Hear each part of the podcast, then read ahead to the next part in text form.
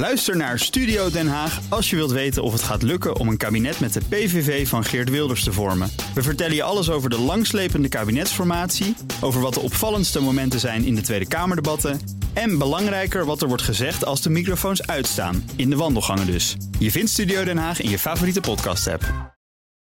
De Nationale Autoshow wordt mede mogelijk gemaakt door Leaseplan. BNR Nieuwsradio. BNR, de Nationale Autoshow. Meindert en Wouter. Het jaar is zo'n beetje twee weken oud en de prijzen van sommige auto's in de showroom zijn als een komeet omhoog geschoten, werkelijk. Ja, I told you Ja, so. ja, hè? Is dit moet weer zo'n. Ja, ja, ja, weer. eh, het heeft te maken met de nieuwe Europese testcyclus WLTP. Ja, die relatie klinkt misschien een beetje ingewikkeld, maar die is dat niet. We gaan het zo allemaal uitleggen. Welkom een uur lang alles over auto's, mobiliteit hier op BNR. Meepraten doe je natuurlijk via Twitter, BNR Autoshow. En straks in deel 2, dan, eh, ja, het ging net over porno. Wij gaan het ook over porno hebben. Autosport porno. Ja, ja, in Assen. Nou, dan weet je het wel. Lee van Dam is autosportpromotor en hij komt eh, langs. Hij organiseert allerlei sport, autosport-evenementen. En eh, wie weet in de toekomst ook de Nederlandse Formule 1 Grand Prix. De Dutch Grand Prix. ja, gaat dan denk ik wel wat, eh, Ik denk het ook. wat water door de zee. Hoe, eh, hoe Door de gaat die door die Rijn? Ja, Ja. voordat dat zover is. Maar ja, het was laatst al heel hoog water. Maar goed, we beginnen vandaag eh, met het nieuws toch wel van deze week. Sommige auto's zijn echt fors duurder geworden... door de invoering van een nieuwe testcyclus. En te gast dit half uur Steven van Eyck... voorzitter van de Rijvereniging... de brancheorganisatie voor auto-importeurs en autofabrikanten in ons land. Welkom. Wij, Wouter en ik, hadden, met name Wouter moet ik eerlijk bekennen... dit al een beetje voorspeld. Eind augustus, begin september, toen de testcyclus werd ingevoerd... die prijzen van auto's gaan omhoog. Eigenlijk was het ook niet echt een verrassing eh, voor ons. Wij zagen ook wel aankomen dat als je opnieuw gaat testen... gaat overigens om nieuwe modellen die nieuw in Europa op de markt Ja. komen... dan is de kans natuurlijk groot dat als je die test dichter bij de werkelijkheid laat komen... en Ja. we hebben in de afgelopen tijd gezien dat die NEDC-testen, zeg maar de oude testen... dat die verder weg van die werkelijkheid zaten... ja, dan gaat uiteindelijk toch gewoon de CO2-uitstoot die gemeten wordt... die gaat omhoog. Nou, daar zijn Ja. de BPM-tabellen, dus de belasting die je betaalt... bij de aanschaf op auto's, die zijn erop gebaseerd. Dan gaat die prijs omhoog. Ja. is puur een belastingverhoging. Het is absoluut niet zo dat die auto's duurder zijn. Het is gewoon een belastingverhoging. Belasting. Misschien even goed dat we, dat we even proberen uit te leggen wat nou de verschillen zijn met die testcyclus. Hè. We hadden vroeger de NEDC-test. nou, dan wist iedereen van een auto, er wordt geroepen, hij rijdt 1 op 25. Nou, dan was we al blij dat hij 1 op 15 deed. WLTP is ietsje beter daarin om het. Nou, het is wel aanzienlijk aangescherpt. De Ja. oude testen die gaven veel te veel vrijheid aan de fabrikanten. was Ja. ook een laboratoriumtest. Het is, eh, ja, het is, nu is het ook wel wat meer een praktijktest. Ja, hè. De precies. oude laboratoriumtest, daar werd bijvoorbeeld niet in eh, hoe zit het nou met de bandenspanning. Nou, als je dan fabrikant bent en je wil een beetje goed uit de test komen... dan, dan ga je behoorlijk wel druk op die banden zetten. Ja. En meer dan je gemiddeld doet wanneer je op de weg zit. Want dan wordt die zuiniger van. Ja, dat was zuiniger. Hou er rekening mee dat die, die NEDC-test, geldt overigens ook voor de WLTP... worden natuurlijk door onafhankelijke laboratoria getest. Hè. Dus het is niet Ja. zo dat de fabrikant dat doet... maar dat zijn onafhankelijke instellingen. je- Nee, ja, die dat- moeten, maar die worden betaald. Ik bedoel, BMW betaalt om, om de auto door een onafhankelijk lab Ja, te maar- betalen. maar- maar die zo rekeningen die ga- betaalt en- en- en- BMW. Ja, maar zo gaat het natuurlijk altijd. Ik Ja. Bedoel, eh, En de kunnen AFM kiezen wordt ook waar- gefinancierd door de accountskantoren. En ze kunnen ook eh, kiezen waar ze hem gaan laten testen. Ja, je kan zeker laten eh, bepalen waar je test. En. Dat is, inmiddels is dat ook wat minder nuttig, omdat die testen veel uniformer zijn geworden. Omdat ze Ja. ook echt beter zijn afgestemd op het echte weggedrag. Dus de verwachting die we met elkaar hadden dat er dichter bij de realiteit zou worden aangesloten, die is uitgekomen. Ja, Maar maar nog- dichter bij de realiteit betekent dat ze meer verbruiken hè, in die test. Ja. Oh, in, in de praktijk hoef je dus, verandert dus feitelijk niks hè, met die auto's. Nee, je hebt het Eh, vaak over dezelfde auto. ja, maar je eh, gaat scherper meten. Ja, je gaat scherper er gebeurt. en dus gaat CO2-uitstoot hoog. En CO, iedere gram CO2 is gewoon de kassa ching ching rinkelt in Den Haag. Juist, en dat was nou net niet de afspraak. Want Nee. daarvan had de staatssecretaris richting de Tweede Kamer gezegd... ik Ja. zorg dat dit budgetair neutraal overgaat. Dus wat hebben wij gedaan? We hebben natuurlijk toen we dit allemaal al een beetje zagen aankomen... gezegd als we nou een inschatting maken... van wat die verhoging uiteindelijk zou worden.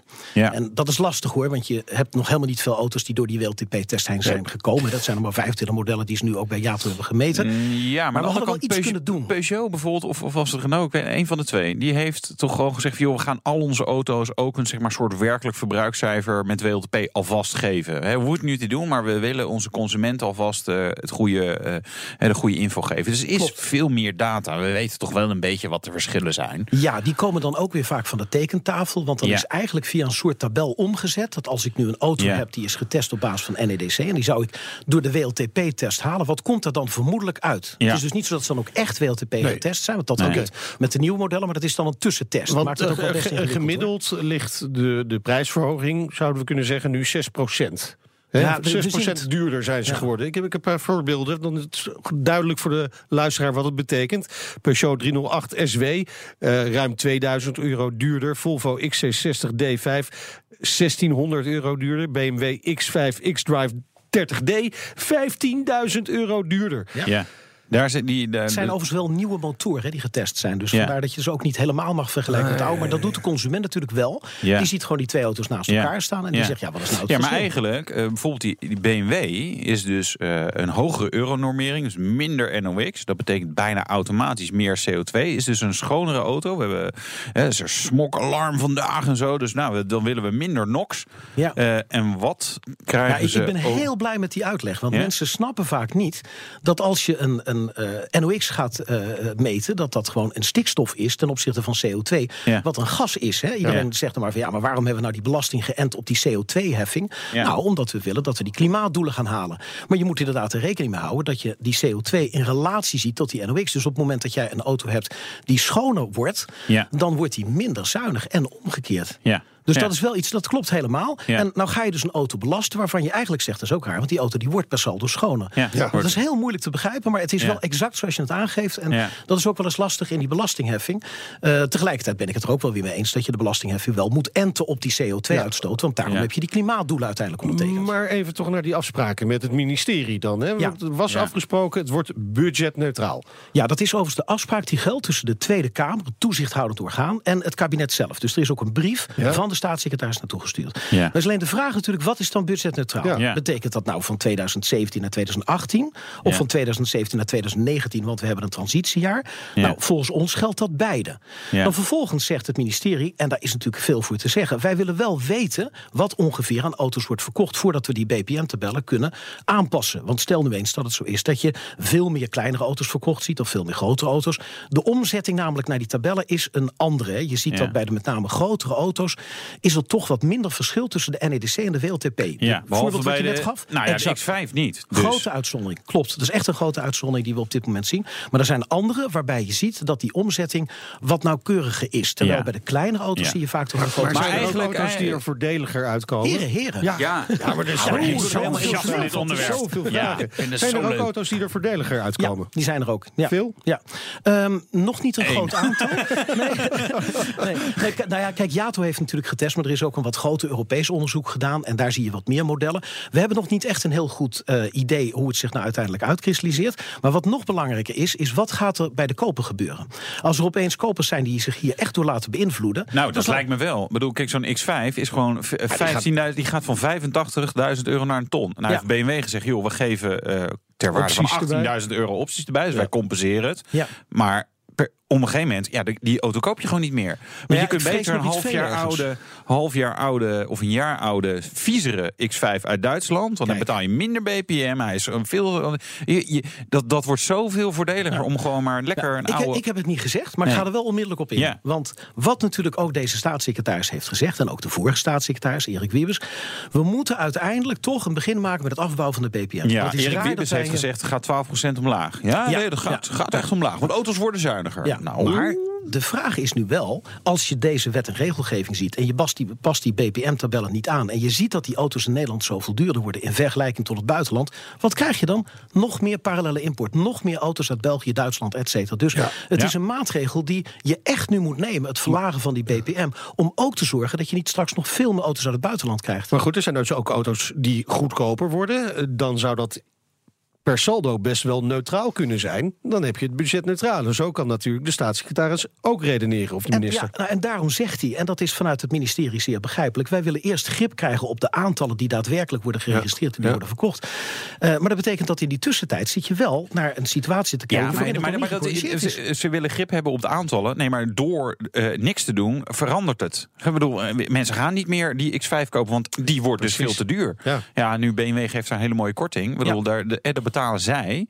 Eh, Ja, dus, ja, dus- ook je- zoiets. Men doet ja, wel het een en ander ja, je doet, ja, nee, maar- Eigenlijk te gek voor woorden dat Ja. zij de belastingmaatregel moeten compenseren overigens. Eh, absoluut, maar, maar eh, als, je, als je dus niet erop ingrijpt, ja, dan verandert de mix dus. Dus, Ja. dus ja, waar, waar- Ja. waar- wat, wil je nou, wat wil je nou bereiken dan als Maar laat overheid? het nog een tandje erger maken, want Nog we zitten nu in het, ja, het Ja. wordt allemaal nog veel verschrikkelijker. We zitten in het Moet even zakdoekjes erbij hebben zo hoor.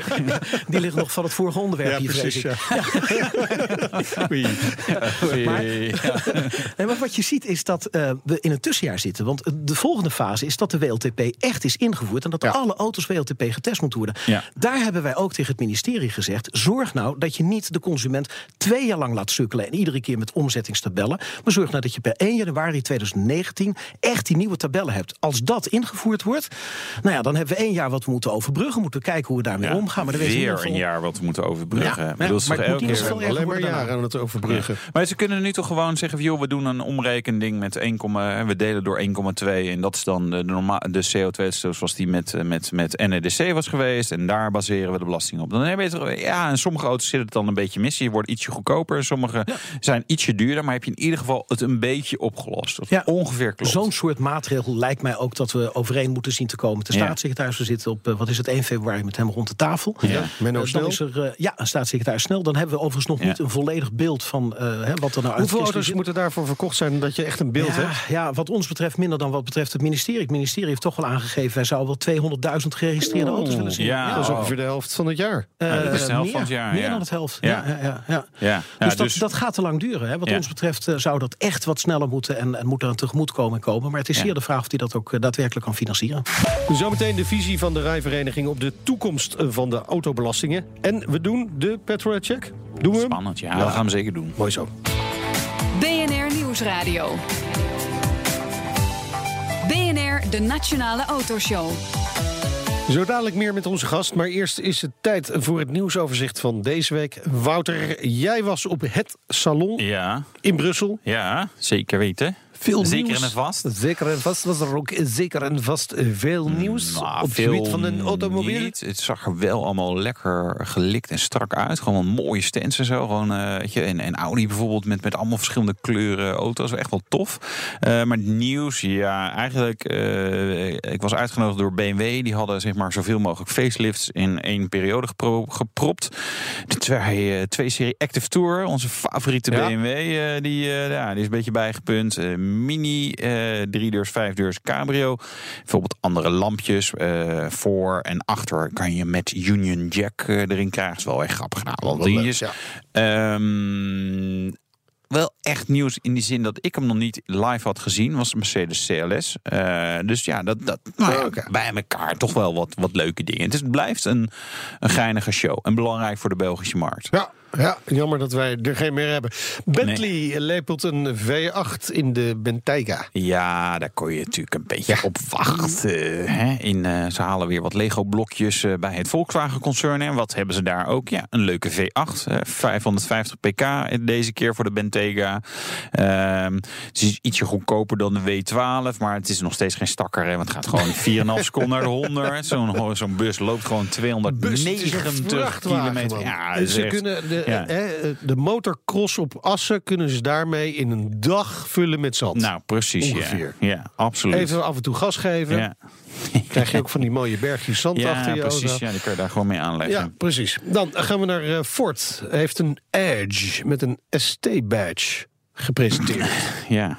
Edge met een ST-badge. Ja, ja, nou dat is wel brekend nieuws inderdaad. Hè? Volgens mij eh, is het brekend nieuws is dat er vorig jaar maar 47 Ford Edges zijn verkocht in Nederland. Het is niet echt een model waar we nou eh, heel eh, wild van worden.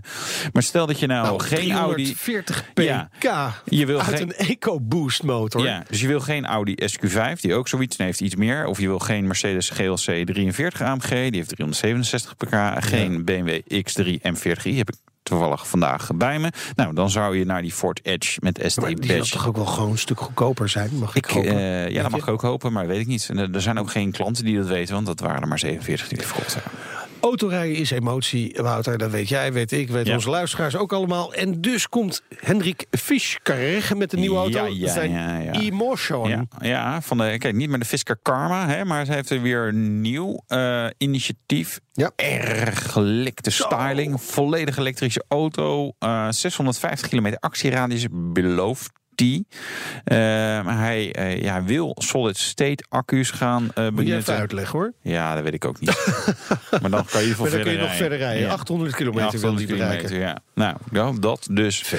Ja, eh moet even kijken of hij het echt voor elkaar krijgt. Uh, de Fiscal Karma is natuurlijk wel gelukt, maar ook wel weer erg hard in elkaar gedonderd, eh failliet gegaan. Dus ja, nou, even afwachten. Hey, en heb jij iets gedaan afgelopen weekend... waardoor jij misschien een nieuw record op je naam hebt staan? Nee, nee, nee. Maar ik had het wel kunnen doen. Hè? Alle, ja, wel, ik denk dat ik hier wel misselijk van zou worden. Want langs de driftsessie ooit, BMW met de M5, 374 kilometer lang gedrift. Oh, man. Op een rotondetje. Eh Hoe lang ben je bezig dan? acht uur. Acht uur, dus gemiddeld nou, zijn geen 50 kilometer per uur. Dat had harder gekund, hè? Ja. Eh, maar ja, dan moet je wel bijtanken tijdens het driften. Dus hadden ze ook weer geregeld. Ja, dat is echt geniaal. Ja, absoluut. Erg lachen dat ze dat hebben gedaan. Is Ja. er een filmpje van ergens? ja, volgens mij wel overal. Op het internet. Op het internet, te ja. Op- en op, mijn site ook, op blog.nl vast wel. De Petrolhead Check. En die doen we met de voorzitter van de rijvereniging, Steven van Eyck. Klaar voor het vragenvuur. Ja, helemaal. Altijd, hè? Zelf rijden of gereden worden? Gereden worden op dit moment. Veel te druk. Maar zelfrijden vind ik natuurlijk wel helemaal top. Vandaar dat ik ook een heerlijke oldtimer ernaast heb. Die overigens niet onder alle normen valt die we hier met elkaar bespreken. Nee. Mag hij wel eh, bij ons het centrum in? Is hij zo oud? Is een Ehm, ja, hij is volgend jaar eh, vieren zijn 50ste verjaardag. Ah, Dus oké, een, nee, eh, wat Jaguar bij ons het centrum in? Rotterdam. 1968. Ja. Bij ons niet, hè? Eh, is aan welke, Rotterdam, hè? Precies, ja. Ja. Aan welke auto denkt u het met het meeste weemoed terug? Dan ga ik toch een, een merk noemen, eh, vrees ik. Ehm, wat natuurlijk voor een rijvoorzitter altijd een lastig iets is. Ik denk Ja. de 16 TL die wij vroeger hebben gekocht op de autorij. En dat heeft ook alles te maken met het feit dat die autorij er natuurlijk niet meer is.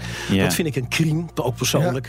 Ja. Ja. Eh, maar dat is nou helemaal zo. Maar dat, een auto kopen op de autorij, dat komt toch helemaal niet? Dat Nee, toch we hebben hem daar gezien eh, Oh, met je vader aan de ja, hand ja. lopend. Oh, en dat dan die keuzes die je leuk. maakt Ja, en welke bekleding en Ja, zo. En daar heb ik toch wel heel erg lang met de familie van genoten. Nice, nice. Ja. Nou, die zijn best uh, zijn wel weer terug te vinden, dat soort auto's.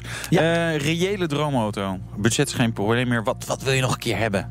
Ehm, ik moet oppassen, want ik heb Ja. al vier auto's, vrees ik. En ik reis overigens allemaal om de beurt, hè, dus het is geen dubbele belasting van het milieu. Wat is een eh, droomauto? Ehm, dat wordt een Aston, ja, het, het wordt een Aston Martin. Aston Martin, Ja, en, ik heb ook Speciale eh, nog? de DB7 vind ik geweldig. Ik heb een keer een bod gedaan, eh, dat miste ik net. Eh, die, eh, die had 100.000 op te tellen en daar, daar heb ik 7.000 naast gezeten. Maar dat is wel een droomauto. Die is echt fantastisch. DB5 is natuurlijk ook prachtig, maar die krijg je eigenlijk niet meer voor budgetten die voor een eenvoudige rijvoorzitter eh, toegankelijk zijn. Oh, We bij het waarschijnlijk eh, weer. eindoordeel. Uitmuntend. Ja? Vind ik Oh. wel. Oh. Hij wilde gereden worden. Ja, dat wordt Prima. maar. En doen we Nog meer kritiek? Ja, nou, nee, ja. Dat was de Petrohead eh, met eh eh Steven van Eyck, voorzitter van de rijvereniging. Eh, even twee, twee dingetjes van luisteraars meenemen. Eh Erik van Putten die zegt op zich wel terecht... Hè, dat de CO2-uitstoot mede afhankelijk is van je rechtervoet. Hoe diep je het gaspedaal indrukt. Ja. Ehm, het zou eerlijker zijn als je zegt... de vervuiler be- be- be- betaalt, moet ik zeggen, niet bepaald, maar betaalt... eh, dat je op die manier belasting gaat heffen. Eh, het is Lijkt niet heel lastig, maar- Ja, nou, het is niet te meten, maar hij heeft natuurlijk wel een punt. En ehm, de enige wijze waarop je het indirect wel degelijk betaalt... is via de benzine en de dieselaccijns. Ja. Want je verbruikt natuurlijk Ja, meer. Ja. dat is waar. Dus als je eh, ja, toch wat onverantwoord rijdt... door dat gaspedaal nauwelijks los te laten... Dan, eh, dan krijg je er de rekening van gepresenteerd. Ja, het ligt eraan of het mag. Ja, ja je hebt gewoon, als je wat minder tijd te besteden hebt aan je reis, dan, Dan moet je het je later rijden, net zoals dat kan ook. Ja. de rijvoorzitter. Ja. Ik heb het uitgerekend, het is toch goedkoper om gewoon lekker door te vlammen en wat extra te tanken dan eh, een chauffeur je te huren. Ja. ja. kijk, je hebt dat echt uitgerekend. Excel-sheetje erbij, heel mooi. Ja, ja. precies. Ik reken alles uit. Nee, je kan toch gewoon beter hard rijden. Dat werkt beter. Eh, en dan nog even Ad van der Meer, die zegt... auto's die de grootste afwijkingen hadden... eh, worden het hardst gestraft. Top. Ja, nee, dan snapt hij het niet. Want bijvoorbeeld zo'n eh, BMW X5 wordt gewoon veel uh, beter voor het milieu. Dus die gaan een euronormering omhoog. Uh, 6C of zo, euro 6C, ik weet niet meer precies wel dat zit. Uh, en, en daardoor CO2-uitstoot op papier, moet er ook nog bij zeggen, ja. omhoog. ja, dan krijg je de straf voor. Dus dat, nee, dat is niet goed. Dat klopt niet. Nee. Het is de week van de nieuwjaarsrecepties en daarbij hoort natuurlijk ook een speech van de voorzitter, ook van die van de rijvereniging. Wat was de boodschap? Uh, allereerst was het uh, fantastisch om te zien hoe, hoe zo'n uh, nieuwjaarsreceptie wordt bezocht. Dat echt ook de top van de mobiliteitsalliantie, hè, van AWB tot en met ja. TLN en et cetera, en VNO en zo er allemaal bij zijn. Want dan kan je toch nog eens even met elkaar afstemmen van, goh, waar staan we op dit moment en waar gaan we het komend jaar naartoe? Um, waar ik me op dit moment een beetje zorgen over maak, is dat de belastingwetgeving, die loopt natuurlijk een beetje altijd achter op de realiteit in de wereld. Dat is ook logisch, je kan wetgeving niet proactief maken. Ja. Maar het gaat nu wel echt wel in alle geprobeerd met die 0%, 0 bijtelling. Zo. Dat was lekker productief. Ja, dat ging goed. Ja, goed. Ja, daar hebben we nog steeds profijt van. Ja. Ja. Yes. ja. Nee, dat klopt. Maar je ziet daar wel bij dat uh, als je nou ziet wat de doelstellingen van het kabinet zijn... en die zijn op zich heel zuiver. Hè. We willen proberen om toch zo min mogelijk emissie te krijgen... ook in het wegvervoer. Prima. Ja, maar, maar het sleutelwoord is ook wel weer een beetje proberen. We willen proberen en we gaan er eigenlijk toch echt niet wat voor regelen. Daar nee, komt het, het, het een komt niet ongelooflijk van hart. Hè. Nee. Men heeft afgesproken, we gaan met die mobiliteitsalliantie... daar gaan we pilots mee aan over anders gebruiken voor mobiliteit. Voor mobiliteit. Ja. Maar dan is de vraag, hoe ga je dat doen? Nou, ja. ons idee is, en daar hebben we natuurlijk ook wel een beetje over nagedacht... dat we nu eens uit moeten gaan van feiten... in plaats van dat het alleen maar fabeltjes zijn die elkaar tegenspreken... en gaan meten, en dat is ook een onderzoek wat we op dit moment gaan starten... wat levert nou het belasten op basis van de CO2-heffing op? Dat betekent dus dat je afstapt van het belasten van bezit. Dat is ook eigenlijk niet meer uit te leggen, überhaupt al niet in Europa. Van waarom zou je de aanschaf van een auto belasten... en waarom zou je bij de motorrijtuigbelasting het bezit belasten? Belast het gebruik. We krijgen überhaupt een samenleving die veel meer uitgaat van gebruik en veel minder van bezit. Dat geldt voor alles. Hè. Dat de jongere generaties die hechten ook veel meer aan het kunnen gebruiken van dingen in plaats van bezit. Kijk naar hele grote. Nou, ja. kijk naar grote ondernemingen. Kijk naar Uber. Uber ja. is het grootste taxibedrijf ter wereld. Bezit ja. geen taxis. Ja, bezit wel taxis, hè? Dat is ja, ja, marginaal ten opzichte van, van de waarde die ze uiteindelijk ontwikkelen. Maar het geldt voor alles. Kijk naar Airbnb. Bezit, hè, dat is een hotelketen van heb ik jou. Dus die wereld is aan het veranderen. Nou, dat belastingstelsel, als je dat goed wil vormgeven, dan moet je realiseren dat als het kabinet succesvol is met hun instellingen, hè, namelijk wij willen emissieloos, dan snijden ze in hun eigen vlees, dan schieten ze in hun eigen voet. Want wat betekent dat? Dat je in de toekomst, als er alleen nog maar elektrische auto's worden verkocht, je krijgt geen BPM meer, je krijgt geen dieselaccijns, je krijgt geen benzineaccijns, dus de nee. belastingheffing droogt op. Nee, nou, dan, dan, kan je gaan lekker op, uh, op, op, elektriciteit uh, doen. Dat doen ze natuurlijk ook al. Hè? Elektriciteit is al uh, deels belast, maar ja. daar kan je dat onmogelijk op die manier terughalen. Dus als je nu dat ziet aankomen, en dat zien we aankomen, wees dan slim, anticipeer erop en zorg dat je het gebruik gaat belasten. Overigens, dat vind ik niet alleen bij auto's en bij vrachtwagens en dergelijke, dat vind ik voor alle vervoersmodaliteiten. Vliegtuigen ook. Ja, vliegtuig, ja, we hebben natuurlijk net dat artikel gehad in het NRC... dat ja. het opstijgen van een Boeing 737 dezelfde uh, ultrafijnstof produceert... als een miljoen vrachtwagens. Ja, ja jongens, daar moeten we ons wel over Ik ben blij dat, dat Schiphol hier ligt bij Amsterdam. Dat en niet Rotterdam. relatief klein vliegveldje hebben. Maar eh, trams dan ook en treinen? Bedoel, dat is natuurlijk... Uh, ja, als je reëel bent, dan zou je moeten zeggen... wij willen van al die vervoersmodaliteiten weten... Ik zie mij net een beetje wegtrekken, want we hebben te veel over openbaar vervoer en zo. Ja, dat vind je niks, hè? Nee, nee, nee helemaal niks mee. Ja. Nou, de, de, ik maar, geef maar straks concreet, wat, wat, wat, gaan, wat gaan we dan doen voor auto's? Gaan we dan uh, rekening rijden? Komt die weer? Ik denk dat je op basis van uh, de hoeveelheid Nog één keer per jaar aflegt, mag je hier het woord rekening rijden laten. Ja, nee, nee, nee. Ik, ik, ik, ik, doe het niet eens meer dit jaar. Dit, ik denk dat nee. wij gewoon gaan hebben over een beprijzing op basis van een CO2-heffing die gerelateerd is aan het aantal kilometers. Oeh, dat klinkt wel ingewikkeld. Ja, dat, dat snapt de helft van de mensen niet, dus dan is het goed. Een hele CO2-heffing, maar dat is hetzelfde als een kilometerheffing natuurlijk. In wezen uh, ga je er een prijs rekenen voor het aantal kilometers wat je aflegt, maar je houdt wel rekening met de vervuiling die je daarbij uh, tot stand brengt. Ja. Dus de soort auto die je rijdt? Ja, kijk, je hebt bij belastingheffing twee componenten. Je hebt een hoeveelheid geld nodig voor je infrastructuur. Daarvoor zou je kunnen zeggen, per kilometer betaal je een vaste prijs. Daarbovenop heb je dat je gewenst gedrag wil stimuleren en ongewenst bedrag, gedrag wil ja. afremmen. Ja. Dat betekent bijvoorbeeld dat als jij een vervuiler bent, ja, dan wil je toch iemand meer belasten als je niet vervuilt. Daarom zou je daar bovenop een variabele heffing moeten hebben die zwaarder is voor de vervuilende auto's. Ja. Overigens ook gewoon voor de auto's die dus nu al rondrijden. Maar dat stimuleert ook waanzinnig dat men nieuwe auto's aanschaft. Ja, ja, en, dat, ja, en dat vinden jullie weer leuk. Dat vinden we ontzettend leuk, ja. maar dat vinden we ook veiliger. Dat is ook zuiniger. Dat is ook veel beter vanwege het feit dat we allemaal zelfrijdende autootjes straks willen hebben. Althans, veel mensen willen dat. Dus dat, dat kan ook veel beter als je modernere auto's hebt. Ja. We hebben niet zo'n modern autopark. Nee, met België zo dan... Uh... Nee, uh, we hebben heel, heel weinig nieuwe auto's verkocht. Ook relatief kleine auto's. Klein, ik bedoel, zuiniger, ja, enigszins. maar een stuk onveiliger. Zelfrijdend, zeg maar, dat soort features zit natuurlijk zeg maar, op zo'n gemiddeld klein gebakje eigenlijk helemaal niet. Nee. Dus, dus we gaan weer achterlopen. Ja, en dat deden we nou juist niet. Nee. Dus pak nou een keer door. Uh, Gooi dat hele fiscale stelsel op de schop. En misschien moeten we gewoon durven zeggen, ook tegen die staatssecretaris... laten we gaan werken aan autobrief 3. Uh, natuurlijk is autobrief 2 iets wat... Uh, die is nog net droog. Ja, dat weet ik. Maar als je nu ziet welke ambities het kabinet heeft... en ze zijn daar serieus in... dan zullen we toch nog eens tegen het licht moeten houden... of we daarmee die doelstellingen Even voor de duidelijkheid. En mijn antwoord is nee. Veel mensen zullen niet eens weten wat de autobrief is. Het is onvoorstelbaar. Ja, toch? Nee, maar dat, dat wat, wat, staat daarin? Eigenlijk is dat uh, tot stand gekomen naar aanleiding van overleg met de vorige staatssecretaris. Die heeft aangegeven: zullen wij nou eens tot een akkoord komen over de belastingheffing over de auto's? Uh, dat vond ik overigens een fantastisch gebaar. Mm Omdat hij daarmee ook weet dat als die draagvlak heeft, draagvlak heeft bij de industrie. Maar ook bijvoorbeeld bij partijen als de ANWB, de consumentenorganisatie van de automobilist, onder andere. Uh, en de knak en allerlei andere partijen. Van, nou, wij hebben dat op een goede manier hebben we dat afgezekerd. Dan heeft hij ook geen probleem in de Tweede en de Eerste Kamer. En dan is er ook draagvlak vanuit alle partijen die het moeten realiseren. Nou, laten wij maar weer eens bij elkaar gaan zitten. Om te kijken of wij voor de toekomst niet tot een belastingstelsel kunnen komen. Waarbij mensen gestimuleerd worden om nieuwe auto's te kopen. Ja. Waarbij mensen gestimuleerd worden om groen, zuinig en veilig te rijden. En waarbij we misschien ook nog een beetje het gedrag kunnen beïnvloeden. En dat komt in autobrief 3 als het aan u ligt? Ja, als het aan ons ligt wel, zeker. En wanneer moet die er komen? Nou, in eerste instantie maar eens kijken of hier ook een bereidheid vanuit het ministerie voor is om dat te doen. Die uh, bereidheid gaan we uh, met elkaar verkennen op 1 februari. Ja. Ik ken deze staatssecretaris een beetje uit het verleden en ik heb daar hele goede hoop op dat het goed komt. Ja, hij heeft een goede achternaam er ook voor, maar uh, ja. Menno Snel. Ja. maar nou, eigenlijk Wiebes was ook echt een, een autofanaat. Hè. Die weet daar ongelooflijk veel van. Ja, ja, ja. Ja, Maar ja, goed, dat zie je niet altijd in de belastingmaatregelen die ze dan afkondigen. Dus pas als we het zien, dan zullen we het geloven. Eigenlijk staat de autobrief natuurlijk voor 2020 op de agenda. Ja, klopt. Voor de periode na 2020. Ja, maar ik denk dat we reëel moeten zijn en constateren dat we de doelstellingen die we met elkaar willen uh, bereiken, dat we die niet gaan halen als we vasthouden aan de oude uh, autobrief.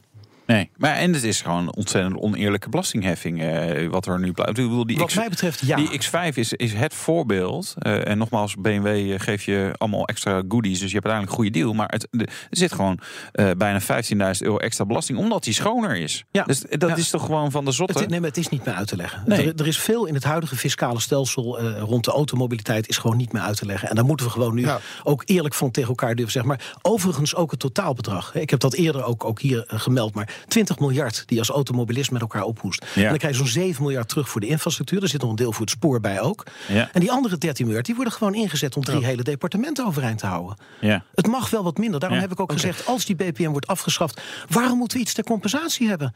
Dan, dan, ja, dan ga je maar 1,2 miljard in de min. Waarschijnlijk overigens verdien je dat terug, omdat die enorme parallele import. Let op, bij afgelopen jaar 270.000 auto's. We hebben er hier in Nederland hebben er 413.000 verkocht. Het jaar daarvoor was het rampjaar met 385.000. Maar we hebben gewoon 270.000 auto's uit het buitenland gehaald. Ja, ja, En, en, we sturen er ook een hoop naar het buitenland. Nou, ja, de plug-in hybrides.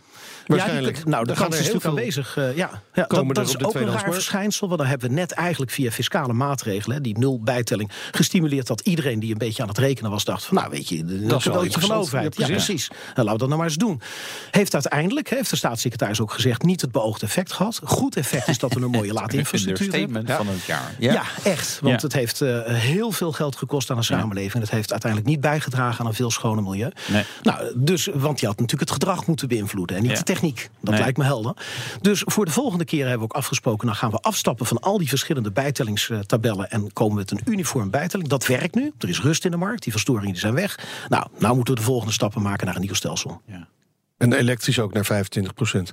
Daar dacht ik voorlopig nog niet aan. Want die moeten heel sterk stimuleren. Uh, uh, de rijvereniging viert een jubileum. 125 jaar bestaat de rijvereniging. Prachtig natuurlijk. Ja, dat is echt leuk. Dat gaat het groots gevierd worden? Tot slot kort? het gaat, ja, het gaat zeker groots gevierd worden. Wij gaan het hele jaar lang gaan we de accenten leggen... met name op het gezaghebbende karakter wat de rijvereniging heeft... als autoriteit in de mobiliteitsindustrie. Noblesse oblige. Dus wat wij op dit moment doen is datgene wat we al deden... nog meer zetten in, onder de aandacht van het 125-jarig jubileum. Maar er komt ook een spetterend feest. Hartstikke mooi. Heel veel succes komend jaar. Dank. Dank voor de komst naar de studio. Steven van Eyck, voorzitter van de Rijvereniging. De Nationale Autoshow wordt mede mogelijk gemaakt door Leaseplan. BNR Nieuwsradio. BNR, de Nationale Autoshow. Meindert en Wouter. Onze volgende gast organiseert al meer dan 30 jaar over de hele wereld met succes autosportevenementen. Ja, dat is een vak apart. Want hoe strik je bijvoorbeeld zo'n Formule 1-team om een demonstratie te geven? Nou ja, gewoon je portemonnee pakken En zo, en, ja, eh, flink wat... eh, of Goede telefoonnummer moet je hebben. Wie bel je? Wie bel je? Ja, Ja. nou, Ja. dat soort dingen. Nou, straks rijdt Wouter in een eh, Jaguar in elk geval, de XF Sportbrake. Hij moest naar Friesland. Ja, en het rijden hoor. Ja. Naar het hoge Had je het een beetje naar je zin? Ja, volgens mij wel. Dit is een prettige reisauto. Kijk, Nou, hè? lekker degelijk, Nou, de praktisch. ook prettige weer gehad. reisauto. Hartstikke Ja, ja. Hij was best zuinig, ja, denk ik. Weet eigenlijk maar je hoort straks meer over. Ja, eh, echt? Wat gaaf. Ja, Wat leuk, we hebben gewoon een rijimpressie kan vandaag. haast niet Ja. wachten. Nee. Heb je een vraag of wil je met ons meepraten? Kan via Twitter, BNR Autoshow. Ja. Dan gaan we het nu hebben over eh Lee van Dam. Ja. Haalde de Champ Car, de Amerikaanse tegenhanger van de Formule 1, naar Nederland. Hij is organisator van onder meer de Gamma Racing Days op het TT-circuit van Assen. Lee van Dam, autosportpromotor en CEO van LDP International. Welkom. We mogen tutoyeren, heb ik begrepen. Heel graag. Heel graag, mooi zo. Eh, je werkt al meer dan 30 jaar als eh, autosportpromotor. En niet alle luisteraars zullen die term echt precies kennen. Wat doet een autosportpromotor? Die organiseert eh autosport-evenementen. Dus eh, haalt eh, klassen, teams eh, naar een circuit en zorgt dat dat in de publiciteit komt. Dat er ook mensen komen die een kaartje kopen en daarmee kun je zo'n evenement financieren. Je bent dus eigenlijk de schakel tussen twee partijen. Aan de ene kant de racerij, aan de andere kant het publiek. Klopt, ja. En het circuit. Ook Ja. nog, ja, ja. Ja. dus misschien wel drie partijen. Nee, dat klopt. zo, eh, misschien wel meer, ja. waarschijnlijk nog meer, ja. ja. Eh, met- En met hoeveel evenementen ben jij zo in het jaar bezig? Uh, Zo'n eh, vier, vijf. We doen naast de Gamma Racing Day, wat onze grootste is, ook de Motocross Grand Prix op het TT in Assen. Eh, Ja. 15 en 16 september van dit jaar, waar we dan eh 1200 vrachtwagens stand storten. En daar wordt de Grand Prix van Nederland op georganiseerd. En we doen ook een bromfietsevenement op eh, 8 juli, op hetzelfde circuit. En we doen hospitality faciliteiten tijdens de TT van Assen, zo op 1 juli. Dus Ja. we zijn redelijk druk. In de zomer ben je druk, maar de rest van het jaar hebben ze eigenlijk niks te doen. Nee, dan, dan gaan we ook met vakantie. Ja. Nee, de, de, Ja, de- acht dat- maanden vakantie en dan in de zomer even hard werken. Nee, Nou, dat precies, zal dat- niet helemaal zo zijn, maar... Nee, dus de- direct na het evenement, hè, naast na de Gamma Racing Day, gaan we vol gas. Want dan ligt het nog vers in de geheugen bij de mensen. Dan gaan we kijken of ze, of ze kunnen bewegen om te participeren voor het volgend jaar. Want dat evenement is afhankelijk van sponsors. En Ja. die moet je dan. eh, eh, pakken als, er, eh, als de, als een evenement net geweest is. Ja, ja. pakken, Ja, ik zeggen, inpakken. Ja, en, ja, eh, een goed voorstel doen. Ja. nee, precies. Je riep net iets, triggerde me even. Motocross. En hoeveel vrachtwagens zand gingen er nou Ja, kwamen? met 1200 vrachtwagens zand 1200 heen en 1200 terug. Dus eh, het zijn vier dagen en nachten. Een hele grote operatie. Joh. Eh, maar, eh, waarom doe je dat dan niet gewoon op, op In de het strand of zo? Want we hebben hier vrij uitgebreide kustlijnen. Zou je denken, nou, daar, kan je, daar ligt al zand. nee, namelijk. nee, nee, precies. Nou, kijk, Misschien zijn, jullie dat in Assen niet, maar... Aan andere circuits eh, gebeurt dat. Daar hebben ze Ja. zand. Gebeurt in de bossen. Moeten ze tribunes, tenten, toiletten, alles inhuren en stroom. Ja. Nou, we hebben dat omgedraaid. We hebben gezegd, we zoeken een locatie. En wat is meer geschikt dan de TT in Assen. Ja. Waar alle faciliteiten zijn, parkeren ja, ja, enzovoort. ja, ja. Het enige wat mist is zand. En dat hebben we kunnen lenen van Defensie. Waar, waar komt dat vandaan, dat zand? Ja. Van het Defensieterrein naast het TT-circuit. Wat moeten mij, zij met al dat zand? Ja, dat, is een is een of oefen, is een oefenterrein. Hè, waar ze met tanks en, en en vliegtuigen oefen zijn. En we, we hebben eh, hun medewerker gekregen om dat zand te mogen lenen voor eh, twee weken. Ja. Kan ik, En hoeveel ton... Nee, 1200 vrachtwagens, zei dat nou? Eh, Dus hoe- 22.000 ton eh, zand.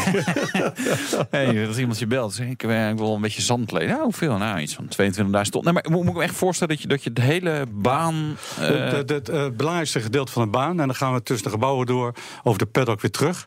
Nou, we zijn voor de derde maal eh, organisatie van de wereld. Dus we hebben in eh, Engeland weer eh, de trofee gekregen. want ja, we- het is helemaal compleet. De teams zijn heel blij mee met de fantastische faciliteiten van het circuit. zijn er anderen die, eh, die dit nu ook zo doen? Eh, eh, Imola is ermee bezig. We, hebben Le Mans, Nürburgring, eh alle circuits op bezoek gehad. De Maar- Nürburgring. Nee, dan gaan ze 20 kilometer met z'n hand uh, storten.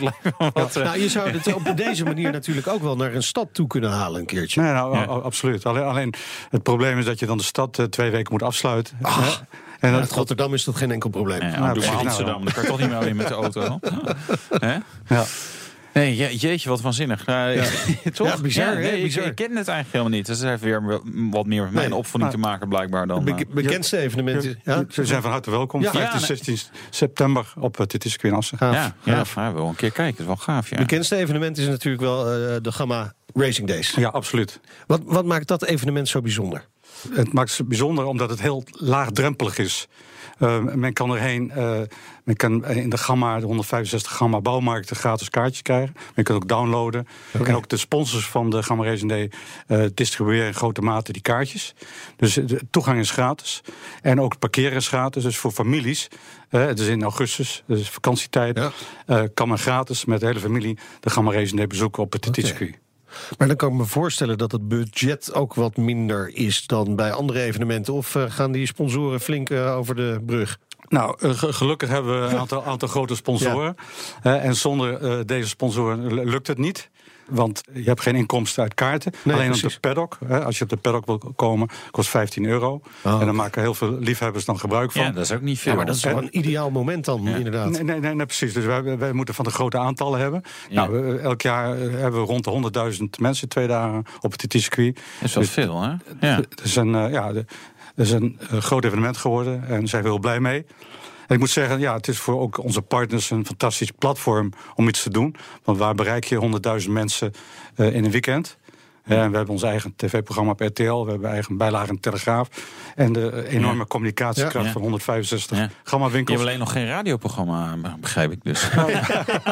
Ja, wij, wij, wij, wij maken reclame eh, op, eh, op Veronica. Radio. Dat is ook Oh, een van de partners. Ja. Eh, wat is wat sport en, en, en gamma, waar ik ook wel eens kom om schroefjes en een hamertje te halen. Maar ja, Nou, eh, acht jaar geleden, toen wij eh, met Gamma eh, in zee gingen, hè, eh, heeft men eh, eh, uitgevonden dat er bij de Gamma-klanten een boven gemiddelde interesse is voor technische sporten. Ja. Hè, want het zijn meer doe-het-zelvers. Ja. En Ja. verder wordt het evenement verreden in de bouwvak. Oh, Nou, en kijk. en eh, Gamma vindt dat men dan tijd heeft om, Staat dat nog, om, om een huis op te knappen. Ja. En als, als, eh, als presentje eh, geeft men dan een kaartje voor de Gamma Racing Day. Zodat men met het hele gezin daarvan kan genieten. Eerst Ja. even een muurtje behangen en dan eh, lekker en dan gaan racen. lekker, Zoiets. ja, lekker, lekker een biertje gaan doen in Oh, Assen. heerlijk. Ja. Ja, Ja. leuk. Jij bent zelf eh, er geweest. Ja. Je, je hebt zelf mee kunnen rijden in een Formule 1 toezitten Ja, met ja, Robert ja. Doornbos. Ja, ja, dus je, ja. je hebt zelf kennis kunnen maken met het circuit. Nee, Hij zit nog steeds een beetje bleek. Ja, was in ja, augustus. nee, het viel, nee het, het- het- dat viel wel, maar wel mee. Want ik, ik dacht van tevoren inderdaad van... ja, jeetje, ik weet niet wat ik daarvan moet verwachten. Meer in Formule 1, maar ik vond het redelijk eh, te behappen. Eh Robert Dormans zei later ook... ja, maar ja, het was ook een beetje glad, dus dat allemaal wat heftiger. Oh, hij deed heel rustig aan. rustig aan. Denk, nou, die gast die, eh, die wil ik niet eh, dat hij in mijn nek eh, nekt, zeg maar. het is wel een gaaf evenement, omdat er, er staat gewoon ontzettend veel verschillende teams. Dat vond ik wel. eh, ik, ik vond het ook een beetje, wat dat betreft, ook wel weer een beetje ons kent ons van. Nou, als je, als je, als je een raceteam hebt, dan moet je daar wel staan. Want als je daar niet bij staat, dan, eh, dan ja, wie, wat ben je dan in godsnaam aan het doen, zou ik bijna zeggen. Dus wel, dat, is, dat is toch wel een beetje ook het, het, het, de opzet van als je race, dan moet je daar, moet je bij, moet Nee, je moet, wel zijn. moet me- meeracen. Kijk, dat is de opzet. We, we zijn zo gegroeid. We zijn de grootste gecombineerde auto, motor en kartevenement van Europa geworden. Dus alle teams in Europa willen gaan racen Ja. op de Gamma Racing Day. Dus daar, daar maken we een selectie uit. En ja, we zijn er geslaagd om daar een hele brede selectie eh, van te krijgen. Ja. En we hebben, de top is de Bosch GP met de 7, 8 Formule 1 auto's. En dan hebben we de- Supercar Challenge, we Ja. hebben de Ford Fiesta Cup, de NK HGT, diverse andere klassen. De WK zijspannen, Metal leuk. Wereldkampioenschap, motoren, de Yamaha R3 Cup. Ja. eh, en dat soort zaken. En natuurlijk Formule 1 eh, demonstratie. We hadden het net over het zand van de motocross. Maar we kunnen ook wat over het zand van Abu Dhabi eh, hebben. Want daar kom je net vandaan. Eh, klopt, ja. Wat heb je daar gedaan? Nou ja, eh, de, de, we hebben een heel goed raceprogramma op de Gamma Racing Day. Maar eh, eh, de, de, de kersen op, op de pudding zijn de demo's van Ja. MotoGP en de Formule 1. Ja. Nou, en dat is niet zo simpel om een, een Formule 1 team naar Assen te krijgen. Dus daar moet je af en toe voor, voor vliegen. Ja. En dat was deze reis ook voor bedoeld. Om eh, gesprek te hebben voor de inzet van het team eh, op de Gamma Racing Day. En welk team was dat? 15, 16, 17 augustus. Nou, dat, dat eh, laat ik even in het midden. Oh, ja. want Mag nog een verrassing zijn. Kijk, kijk Ja. ik moet even bij melden dat, er, eh, dat het heel lastig is. Ja. Dat hebben we net al even gehad. Om een Formule 1-team naar Assen te krijgen. Hè, eh, als je er centjes voor hebt, kun je niet bellen en zeggen van... jongens, stuur me een menukaart. Ik wil een eh, team en ik wil de rijder kiezen. Dat is een enorme gunfactor, zit eraan vast. Hè, men weet inmiddels dat de Gamma Race Day Ja. een enorm groot evenement is. En ja, dan moet je kijken dat je kunt lobbyen om eh, mensen ertoe bewegen om in een vrij weekend naar Assen te komen. Ja. De afgelopen editie gaf eh, Nico Hulkenberg een demonstratie hè, van het Renault F1-team. Ja, We hebben daar ja. wat geluid van.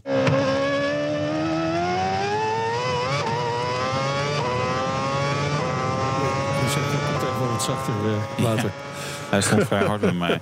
Nee, ik- ja, Mooi toch? Wel mooi. Je had natuurlijk ontzettend veel eh, Duitse bezoekers dan waarschijnlijk eh, deze editie. Eh, klopt. Ja, we, dat varieert. Hè, maar we hadden nu. eh, we hebben David Coulthard gehad, we hebben Mar- Max Verstappen gehad. We, Ja, maar ik kan me Mika voorstellen Hakkinen dat je, dat je nu ook het liefst gewoon Max weer wilt hebben. Eh, dat zou natuurlijk de ideale Ja, oplossing zijn. Maar goed, eh, er zijn andere commerciële afspraken met andere partijen. Waar we, eh, die we re- respecteren. Ja. Dus eh, eh, moeten we op zoek eh, waarschijnlijk naar eh, andere oplossingen. Maar ja, want is het zo goed als uitgesloten dat Max met Red Bull komt? Als ik dat mag aannemen, eh, is, dat, is, dat, dat, is dat heel lastig. hè, er zijn andere afspraken met andere partijen. Dus Ja. ik, ik denk niet dat wij daarvoor in aanmerking komen. Dus daar gaan we ook niet vanuit. En daarom zijn we met, met andere partijen bezig. Zometeen praten we verder met autosportpromotor Lee van Dam. Onder meer over het mogelijk organiseren van een Formule 1-race in Nederland. BNR Nieuwsradio. BNR, de Nationale Autoshow. We gaan rijden. De rijimpressie. Jaguar heeft de XF Sportbrake vernieuwd. En Wouter die moest toch een eindje gaan rijden. Dus die nam deze maar eens even mee. Een tevreden knorrend dieseltje op de achtergrond. Maar daarover later meer. Eerst eens even naar, ja, weet je, in dit segment. Hè, het E-segment. Dus wat grotere sedans, maar het zijn nog niet... eh, nou ja, zoals je traditioneel zou zeggen, de limousine van de bankdirecteur. Eh, dus het maatje eronder, dat waren altijd sedans. Hè, Als je terugkijkt, jaren 80, jaren 70, hè, de station wagon, dat is een relatief recente uitvinding. En het is zeker relatief recent dat dat een behoorlijk populaire carrosserievariant is. En dan hebben we nog recenter een nog hippere carrosserievariant erbij gekregen. Namelijk de crossover SUV terreinauto. Het is maar hoe je het wilt noemen. En als je dan kijkt naar Jaguar, dan heeft Jaguar als eerste de F-Pace geïntroduceerd. En daarna pas deze XF Sportbrake. En als je dan nog even wat verder terugkijkt bij eh, de Jaguar historie. De vorige Jaguar XF was er een limousine, heel lang. Eh, toen werd gefacelift en na de facelift kwam er pas de XF Sportbrake. Eh, een auto die nou ja, best laat in de cyclus dus tevoren kwam. Een auto die dus heel laat in de cyclus geïntroduceerd werd. In Europa, en ik zeg er nadrukkelijk bij, in Europa is de station wagon de carrosserievariant die het meest populair is eh, onder dit soort auto's. En dan willen de meeste mensen, wilden in ieder geval, en het gaat ongetwijfeld wel veranderen, maar het liefst ook gewoon een diesel. En het liefst ook nog een viercilinder diesel. Daar zit het volume. Viercilinder diesel eh, station wagon. Inderdaad, niet heel spannend. Aan de andere kant, ja, wel heel lekker. Wel, dit is een prettige reisauto. Het is rot weer nu, het regent, het is glad, het is nat, het is koud. En ik kan gewoon lekker stoelverwarming aanzetten, stuurwielverwarming aanzetten. Dit is een eh, Jaguar XF Sportbrake 25D. Dus dat is een beetje afgekeken van nou ja, BMW en Mercedes. Die natuurlijk ook een beetje met die eh, zeg maar afkortingen van cijfers iets doen. Die niet zoveel meer te maken hebben met eh, de motorinhoud. Dit is namelijk een 2 liter diesel. Maar heeft 240 pk. Dat betekent ook 241 km per uur topsnelheid. 6,7 seconden naar de 100. Dus op zich een prettige metgezel. Eh, en hij wordt in eerste instantie alleen maar leverbaar volgens mij met freewheel aandrijving. Dus je hebt een freewheel aangedreven station diesel van Jaguar. En welke auto wil Jaguar dan graag dat je komt inruiden bij de dealer? Oftewel, wat zijn de concurrenten? Nou ja, ik denk een beetje de benchmarks in deze klasse voor in Nederland. BMW 5-serie Touring, Volvo V90 en de Audi A6 Avant. Dan hebben we ook nog de Mercedes E-klasse. Die is er ook als Station Touring of Avant, of weet ik hoe ze dat bij Mercedes uh, noemen. Uh, die is er natuurlijk ook nog. Wat leuk is aan die Jaguar XF Sportbrake, het is eventjes wat anders. Ik heb hem als Air Sport meegekregen. Dat is best een dure uitvoering. Dan heb je dikke velgen, in dit geval zwarte hooglandsvelgen. En hij is een soort wit-grijsachtig. Ik weet niet precies hoe deze kleur heet, maar dit is wel een indrukwekkende verschijning. Staat wel een auto. Ik vind hem wel echt, echt mooi geworden. Ja, dan ben ik nou gewoon een keertje met je eens. Ja. Gebeurt niet vaak. ja, zoals saai Mooie- als het met elkaar eens Ja, precies. Maar ik vind hem echt wel, eh, wel vrij. Interieur ook? Ja. ja, weet je, ik vind het het nooit halen bij de Duitse drie. En eh, bijvoorbeeld Volvo is ook gewoon mooier en beter en Navi en zo, weet je. Dus dat, dat is wel op zich wel apart, hè. Want ik ik denk aan oude Jaguars van vroeger. Was natuurlijk zo een leer en hout was helemaal fantastisch. En dat is, ja, dat is toch, ja, oké. nee. Ja, maar toen waren alle automerken klein, Ja. relatief. Ja, ja dat, is, het zij, dat is wel. Je, je ziet die schaalvoordelen, zeker met hoe meer technologie in auto's komt. Dat wordt, is wel gewoon belangrijk. Dat je zeg maar goede eh, budget hebt om Ja. infotainment te ontwikkelen en noem het allemaal maar op. Eh, ik zeg niet dat ze te klein zijn, maar eh, ja, de Duitsers die hebben het makkelijker wat dat betreft. En, en eh, mag dat wat kosten? Ja, dat mag zeker wat kosten. Ja, deze was echt heel duur, maar het, begint bij 55 mil XF Sportbrake. Nou, dit is volgens mij gewoon redelijk concurreren. En het is echt, het is wel een echt gave auto. Hij ziet er mooi uit. Eindoordeel is dan Parkeren maar. Dit was een diesel. handrem. Ja, oh ja, diesel. jij wil hem Ja. alleen Nee, benzine. Een diesel, dat kan niet meer. BNR Nieuwsradio. BNR, de Nationale Autoshow. We praten verder met uh, Lee van Dam. Hij is autosportpromotor en uh, CEO van LDP International. Haalde de Champ Car en de A1 Grand Prix naar Nederland. Organiseert de Gamma Racing Days in augustus. Het, het, organiseren van een... want we gaan het heel even over de Formule 1 hebben. Het is natuurlijk hot and happening. Zeker sinds Max het zo goed doet. Hè? Toch een paar mooie overwinningen. Ook afgelopen jaar, eh, ondanks alle pech die hij ook heeft gehad. Maar ik kan me voorstellen dat dat het ook voor een, uh, een uh, autosportpromotor het hoogst haalbaar is. Een Formule 1 race organiseren. Ja, absoluut. Ik hoop niet dat het een utopie is, maar ik, ik denk het. Uh, wij waren uh, in 1985 ook al betrokken bij de laatste Prix van Zandvoort. Ja. Dus de, daar hebben we ook een aantal dingen okay. voor ingehuurd. We hebben ook uh, de 2009 de Formule 1 demo op het Rode Plein georganiseerd in Moskou. Cool. En we hebben elk jaar uh, op de Gamma Racing Day ook uh, een uh, gast met een Formule 1 auto. En we hebben de Bosch GP. Dus we hebben wel wat ervaring met ja. dat soort het is, het, het, is natuurlijk de Champions League onder de, de autosport-evenementen. Is het ook echt anders voor de organisatoren? Nou, ik, ik denk het niet. Uh, TT-circuit verrijdt elk jaar uh, uh, de TT van Assen. En dat is een compleet circus. Dorna, de Spaanse promotor, organiseert ja. dat. Het circuit wordt door, uh, klaargemaakt door het TT-circuit. En dan komt het hele circus. En eigenlijk de sleutels worden ingeleverd. En hun overnemen nemen de organisatie over. Dat is uh, bij Formule 1 ook uh, ongeveer hetzelfde. Ja. He, je, je, moet voldoen aan een heel dik draaiboek, manual. Om, om, om alle dingen in gereedheid te brengen. En dan komt het circus binnenrollen. En dan ben je zelf de controle kwijt. ja. Maar ja. ergens is dat ook minder leuk. Toch? Of, of, of is, is het nog steeds de droom om toch wel een keer een Formule 1 race te kunnen organiseren? Nee, nou, natuurlijk. Dat zou natuurlijk het, het summum zijn. Ja. ja. Nou, ik vind eigenlijk die uh, 100, waar 120.000 vrachtwagens stand, vind ik, uh, denk nou ja, hoe, hoe kan je nou, daar gaat Formule 1 niet overheen. Toch? Dat is, nee, dat, precies, dat, dat, is, dat is ook een stuk beleving. En zeker als het heel goed gaat en een fantastisch evenement wordt. Zeker. En, en Formule 1 is natuurlijk, ja... Uh, is ook gegeven mijn interesse. Dus ik kijk naar alle races. Ik ben ook geweest bij vele races. Dus uh, dat zou ideaal zijn. Ja, en je, hebt natuurlijk de ervaring met, met uh, het circuit van Zandvoort. Nou is er een beetje een strijdje gaande tussen Zandvoort en Assen. er is nog niet eens gezegd dat er een Formule 1 komt naar Nederland. Maar ze zijn al met elkaar aan het strijden. Welk circuit acht jij het meest geschikt? Het circuit van Zandvoort heeft uh, traditie, heeft uh, geschiedenis. Ja. Maar qua infrastructuur en alles wat Formule 1 nodig heeft, acht ik. Hè, ik ben Assenaar, maar ik weet zeker dat er Assen daar veel geschikter voor is. Ja, maar dat, ik bedoel, dat, dat is zonneklaar. Veel moderner circuit, ruimer opgezet. weet je, dit, dit, ja, maar wacht even. Zandvoort ligt vlakbij Amsterdam, heeft internationale uitstraling. is, heeft, de, Amsterdam. heeft de historie, mag ik even? Nee, heeft de historie natuurlijk. En een boegbeeld, Prins Bernard junior. Ja, nee, dat wel. Maar op het moment dat het er de zon schijnt uh, en er is iets op, uh, op het circuit gaande, dan kan je hier vanuit Amsterdam ben je eerder in Assen dan dat jij in Zandvoort bent met de auto.